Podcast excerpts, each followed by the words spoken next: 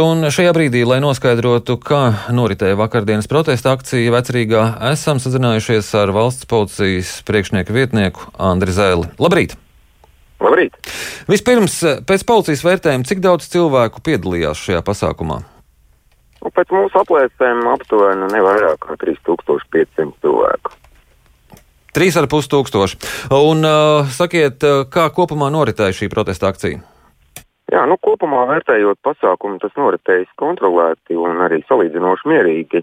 Ir konstatēti atsevišķi pārkāpumi, kā alkohola reibumā izdarīts sīkais huligānisms, par ko ir aizturēts dažas personas. Tiesa ir sākti arī divi krimināli procesi, proti viens par uzbrukumu pašvaldības policijas darbiniekam un otrs par valsts policijas automašīnai izsistu loga stiklu. Mēs esam fiksējuši visu šo pasākumu arī ar tehniskiem līdzekļiem, un tuvākajā laikā arī izvērtēsim, kuras personas būtu saucamas pie atbildības, un to skait arī par etnoloģiskās drošības pārkāpumiem. Nu, te vēlētos uzsvērt, ka policija neatbalsta šādu veidu pasākumu, kas apdraud etnoloģisko drošību un tiek rīkots pārkāpjot noteikto kārtību. Nu, arī mūsu galvenais uzdevums, protams, bija nepieļaut provokācijas, vardarbību nemierus, un kopumā ar sadarbības institūcijām mēs to šķiet arī teicam, esam tikuši galā. Cik personas ir aizturētas? Mēs precizēsim noteikti šo skaitu šodien, un, un, un tad jau arī varētu būt tuvāk paziņojumi. Tātad šīs administratīvā krimināla procesa ierosināta. Jā, tas ir pāris personas. Tā neiet runa par ļoti lielu cilvēku skaitu visādā gadījumā. Tad viena persona ir uzbrukusi policistam, un viena persona ir izsitusi automašīnai logu. Jā, nu, uzbrukumu policijas darbiniekam ir veikušas vairākas personas. Un šīs visas personas ir aizturētas vai tikai noskaidrotas? Dažas no tām ir aizturētas. Jā. Uh, ko jūs darīsiet ar pasākuma rīkotājiem? Nu, kā jau es minēju, mēs tuvākajā laikā izvērtēsim katra uh, šī pasākuma rīkotāja atbildību un pieņemsim attiecīgus lēmumus. Uh, vai kaut kas uh, būs attiecībā arī par pasākumu dalībniekiem? Iespējams, kā jau teicu, mēs esam fiksējuši visu ar tehniskiem līdzekļiem, un tuvākajā laikā arī vērtēsim atsevišķu personu administratīvo atbildību. Piemēram, par ko? par epidemioloģisko drošības pasākumu neievērošanu konkrētajā pasākumā.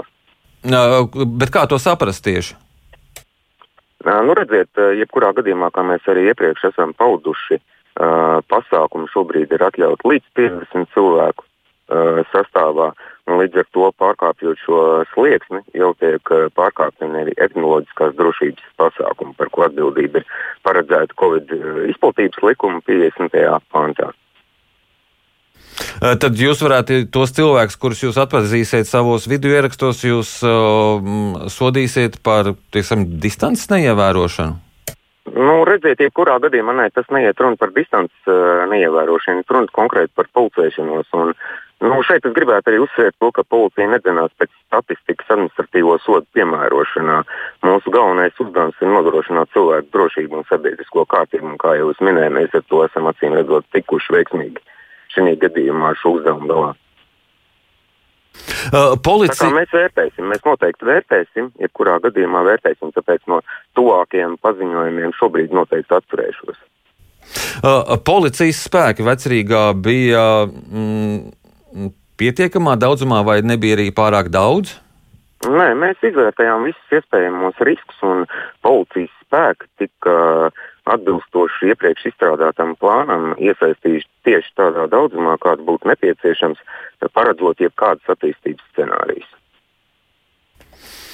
Jā, liels paldies jums par šo sarunu. Atgādinu, ka mēs sazinājāmies ar valsts policijas priekšnieku vietnieku Andru Zeli un runājām par to, ka noritēja vakardienas protesta akcija Vecrīgā un noskaidrojām, ka dažas personas ir aizturētas, ir sākti pāris krimināla procesi un arī administratīvās uh, lietas. Šajā brīdī turpināsim runāt par vakar vecrīgā notikušo, kas tas bija, kā to vērtēt, kādus secinājumus par to jāizdara un cik labvēlīga augsme populistiem ir Covid pandēmija. Par to runāsim ar Vidzemes augstskolas rektoru politologu Gatu Krūmiņu, ar viņu esam sazinājušies tiešraidē. Labrīt! Labrīt! Un mums studijā politologs sabiedrisko attiecību speciālists Filips Rajevskis. Labrīt! Labrīt! Uh, Kroviņkungs, vispirms jautājums uh, jums, jūsu ieskatā vakar tie cilvēki, kas bija sapulcējuši to skaits, bija daudz jūsu ieskatā? Nu, es teiktu, tā, ka mēs diezgan skaidri redzam, ka tā tendence ir pieauguša. Es domāju, šai situācijai nu, viņi gan adekvāti. Es domāju, tie, kas bija organizētāji, varētu teikt, ka, viņiem, nu, ka viņi ir apmierināti. Jo nu, katrā ziņā es redzu, ka tie vairs nav pāris desmit cilvēki vai kas, bet nu, cilvēks skaits pieaug. Tā kā, jā, es teiktu, ka daudz. Jā. Pieauguša tendence, bet kāpēc? Nu, es domāju, ka mēs redzam te vairākas lietas. Nu, pirmā, protams, ir tas, ka ir tā Covid pandēmija, ja, kur no vienas puses ir stipri vien daudz mums tiek uh, uzlikti dažādi ierobežojumi, cilvēki ir neapmierināti. No otras puses, nu, nav tāda ļoti skaidra pozīcija. Nu, teiksim, ar valdības dēlu cilvēki arī nav tā kā apmierināti līdz galam, ja tur visas tās lietas. Un, Nu, un, uh, tomēr ir kaut kāda sabiedrības grupa, kas vēlās būt aktīva. Gan, šeit es pat šajā gadījumā neteiktu, ka pilnīgi visi ir kaut kādi šausmīgi pārliecināti antivakseri vai vēl kaut kas. Un, un tā, bet vienkārši nu, cilvēki ir no tās situācijas noguruši, un tad viņi pavalkās uz kaut kādiem masu pasākumiem. Nu, iespējams, viena daļa vienkārši atnāk līdzi paskatīties, kas tur notiek, jā, bet nu, cilvēki vēlas pārmaiņas. Nu, tas ir atkal vēl viena lieta, jā, un šajā gadījumā nu, viena daļa tiešām, tā varētu teikt, pavalkās arī uz kaut kādiem tādiem vienkāršiem vai pat tukšiem solījumiem, jo nu, te vismaz kaut kas tiek solīts, kaut kas notiek. Nu, nu, kaut kā tā. Nu, bet uh, vienreiz jau tā ir bijis tas grābeklis KPVLV ar šo pašu personāžu priekšgalā. Nu, tur nekas nenotika. Tad vēlreiz uz to pašu. Nu, es te teicu, ka domāju tā, ka nu, mums tā valstī kopumā nu, ir diezgan maz nu, vispār, ja mēs skatāmies gan politiskā elite, ja, gan vispār arī tā sabiedrība kopumā, ja mēs tā domājam, mums tā politiskā kultūra nav audzināta. Nu, tur ir ļoti daudz lietas, ka mēs esam ignorējuši sabiedrību kā tādu. Kopumā mēs esam, mūsu, piemēram, politiķiem, viņi ir vajadzīgi uz vēlēšanām, nu, teksim, cikliski, jā, pēc tam viņi aizmirst visas tādas sabiedrības grupas, ar kurām ir jārunā, ir jārunā tādā ļoti skaidrā valodā jādod tie vēstījumi, ko tu gribi pateikt, tā lai tas cilvēks to saprot. Un nav jau tikai par politiku. Nu, piemēram, tas pats jautājums ir par zinātnes pratību. Ja? Nu, gadu desmitiem Latvijā ir ignorēts jautājums, skaidrot zinātnes nozīmīgums, ja tur zinātnē nav investēts viss kaut kas.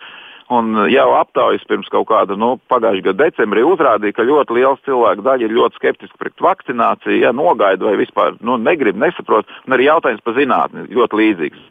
Nu, to nevar vienā dienā izdarīt. Ar vienas dienas kampaņu uztaisīt kaut kādu reklāmas kampaņu. Tur jau vienalga, vai tur mēs runājam par avīzēm, vai, vai fotografijām kaut kur, vai, vai video kaut kur.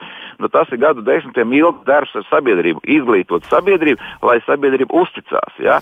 Un šajā gadījumā es domāju, ka šeit prasmīgi tiek izmantots tas, ka sabiedrība uzticās, liela daļa sabiedrības neusticās nekam. Nu, un dodot šādus solījumus, nu, kaut kādu daļu. Mēs jau šeit nerunājam par ļoti daudziem, bet kaut vai pie zemes sabiedrības aktivitātes, ka gandrīz nekur nekas nenotiek. Šie daži tūkstoši cilvēki var radīt ļoti lielu ietekmi. Tas tāpat kā vēlēšanās. Ja uz bet... vēlēšanām, piemēram, aizies trešā daļa cilvēku, tad šo cilvēku ietekme būs gan augsta. Rajevska kungs, šis cilvēku skaits jūs ieskatāt daudz vai maz? Jo, principā, tas ir tāds cilvēku skaits, kas šodien aizies nopotēties vai aizies uz futbola spēles tad, konto stadionā. Tas ir daudz, jo nu, es tomēr gribētu vērst uzmanību, ka mums nav milzīgas tradīcijas cilvēkiem uz politiskiem pasākumiem uh, iet uh, un piedalīties protestos. Mums ir nu, janvāra protesti, ko mēs atceramies. Un, un, un arī viss, nu, tad, tad jāskatās pavisam sen uz atmodu, bet tur bija cita situācija. Līdz ar to es domāju, ka no tāda salīdzinošā viedokļa šie cilvēku apjomi ir ļoti pat vērā ņemami. Uh, bet uh, kas no tā, kāda secinājuma no tā būtu jāizdara pie varas esošiem, kāda secinājuma jāizdara prezidentam, premjeram? Ne, nu, te ir ļoti, ļoti svarīgi paskatīties paškritiski uz sevi. Es saprotu, ka ir, ir, ir vieglais scenārijs pateikt, ai, viņi tur visi antivakseri, viņi tur kaut kādi muļķi savākušies, kas kāpj uz grābekļiem, katras vēlēšanas balso pa KPV. Būtībā mums ir nospļauties, ko viņi domā un mēs darīsim savu, jo mēs uzskatām, ka tā ir pareizi. Tā ir, nu, tas ir viens scenārijs, bet es domāju, ka tas līdz galam nav pareizs. Es eh, Krūmiņa kungam pie, pie, pievienojos tajā, ka tā augošā tendence ir satraucoša, un ja viņi grib sevi, nu, sevi nodrošināt arī kaut kādu politisko ilgspēju, viņiem ir ļoti nopietni jādomā, kas būtu jāmaina ne tikai komunikācijā, bet arī rīcībā. Rīcība ir visjaudīgākā komunikācija. Ne jau, ne jau ar kampaņām tiešām var to atrisināt, bet ar tādu labu, kārtīgu rīcību komunikāciju mēs, mēs redzam, ka paralēli mums notiek arī nu, nopietnas notikumi uz robežas, kur rīcības spēja ir pilnīgi citā līmenī un, un, spēj, un, un tas jautājums netiek viņam ļauts pacelties kaut kādā politiski hiperaugstā līmenī. Tad nu, jādomā, kā arī kaut kādā tādā rīcību komunikāciju stāvoklī novest šo, šo vakcinācijas un veselības eh, drošības jautājumus. Nu, tas prasa nopietnas izmaiņas. Pirmkārt, savā rīcībā. Bet eh, šajā gadījumā ar šiem cilvēkiem, cik lielā mērā ar viņiem ir manipulēts?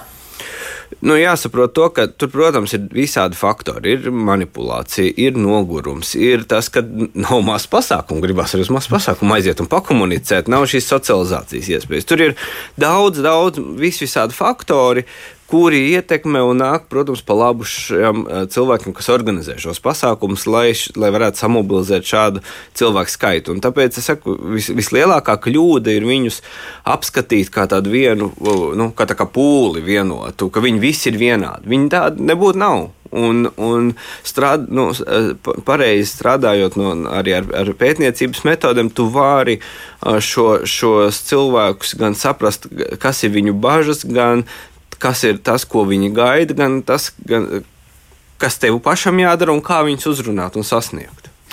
Bet kā jūs skaidrojat to, ka tur bija arī daudz reliģisku cilvēku, dažādām konfesijām?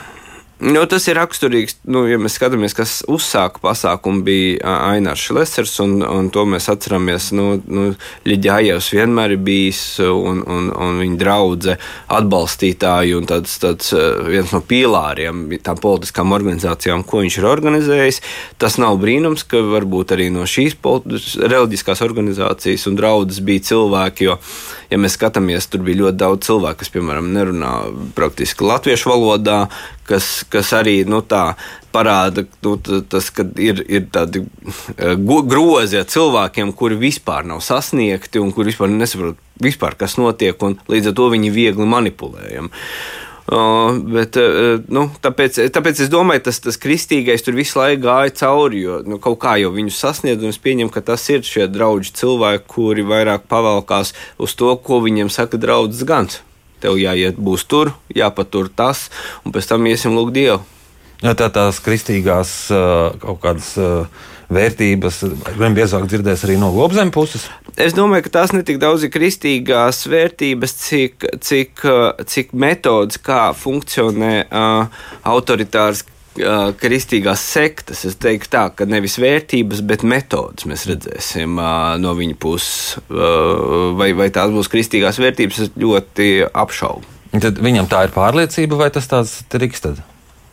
To, to ir grūti pateikt, bet es domāju, ka uh, kā jau profesionāls politiķis, viņš ir profesionāls politiķis jau kādu laiku. Šīs ir otrās, otrā vēlēšana kampaņa. Uh, pa, ja runājam par Šleseru, tā ir entā vēlēšana kampaņa. Un es domāju, ka viņi ļoti labi māk piemēroties un, un um, spēt uzbūvēt šos komunikāciju tiltus ar uh, savu mērķu auditoriju.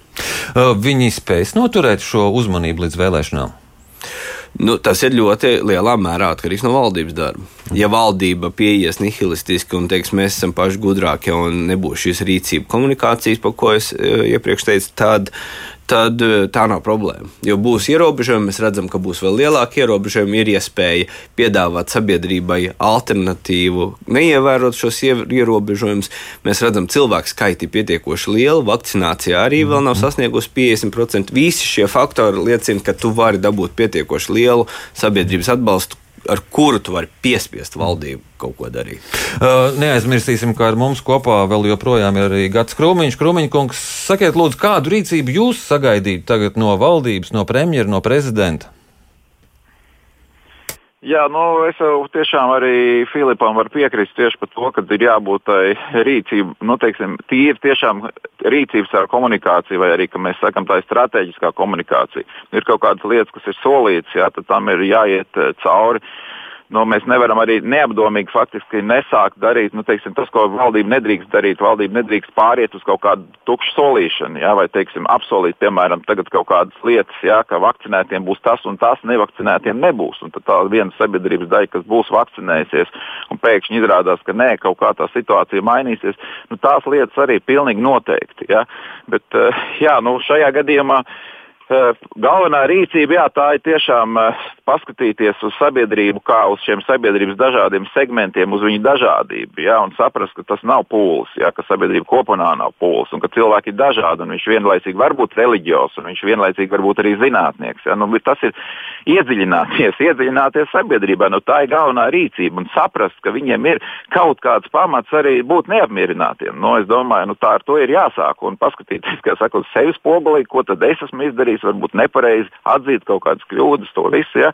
Un tā nu, godīgā veidā to, tās lietas darīt. Nu, es domāju, ka to jau palīdzētu, jo šobrīd tiešām ir tā sajūta, ka tā norobežošanās un vienkāršot. Protams, tas ir vienkāršošanas situācijas. Pateikt, jā, viņi visi tur ir antivakcē, bet mēs vēl vienu lietu, ko es noteikti gribu pateikt, ka mēs redzam, un tas ir atkal vēsturiski, ka nu, šādas kustības reizēm atbalsta nu, pietiekoši pragmatiski cilvēki, kuri vienkārši ir ļoti neapmierināti ar kaut kādu nu, esošās politiskā režīma kaut kādu lietu, un varbūt caur šiem, šīm kustībām populāriem populistiem mēģina kaut kādā veidā nu, teiksim, pabakstīt mazliet. Un, ja tādu pavisam vienkāršu piemēru, ko visi varētu iedomāties, un tā ir Vācija, tur 20, 30 gadi Adolfs Hitlers, kur pabalstīja gan uzņēmēji, gan viss kaut kas, domājot nu, kaut kādā veidā, teiksim, ne jau par, teiksim, par holokaustu vai pēbra iznīcināšanu, bet tajā situācijā viņi, viņu atbalstīja, tāpēc, ka nu, viņš bija tā kā tāda bišķīta haizivs, kas ienāca tādā politiskā vidē, un viņš prasmīgi to izmantoja. Un Vācijā tur arī nu, viss akadēmiskās aprīnas brīnums intelektuāls, nu, nu beidziet, nu kāds tur Hitlers pie varas, ja? un beigās nu, mēs dabūjām to, ko mēs dabūjām. Un demokrātija kā tāda ir ļoti trausla un ļoti nesena parādība gan Latvijā, gan Eiropā, gan pasaulē. Līdz ar to nu, šāda veida autoritārām tendencēm, varas pārņemšanai, sagrābšanai, nu, tie nav galīgi izslēdzami riski arī pat 21. gadsimtā tagad. Bet eh, runājot par iedziļināšanos sabiedrībā, jūs eh, saredzat šādu spēju iedziļināties sabiedrībā, piemēram, no prezidenta puses?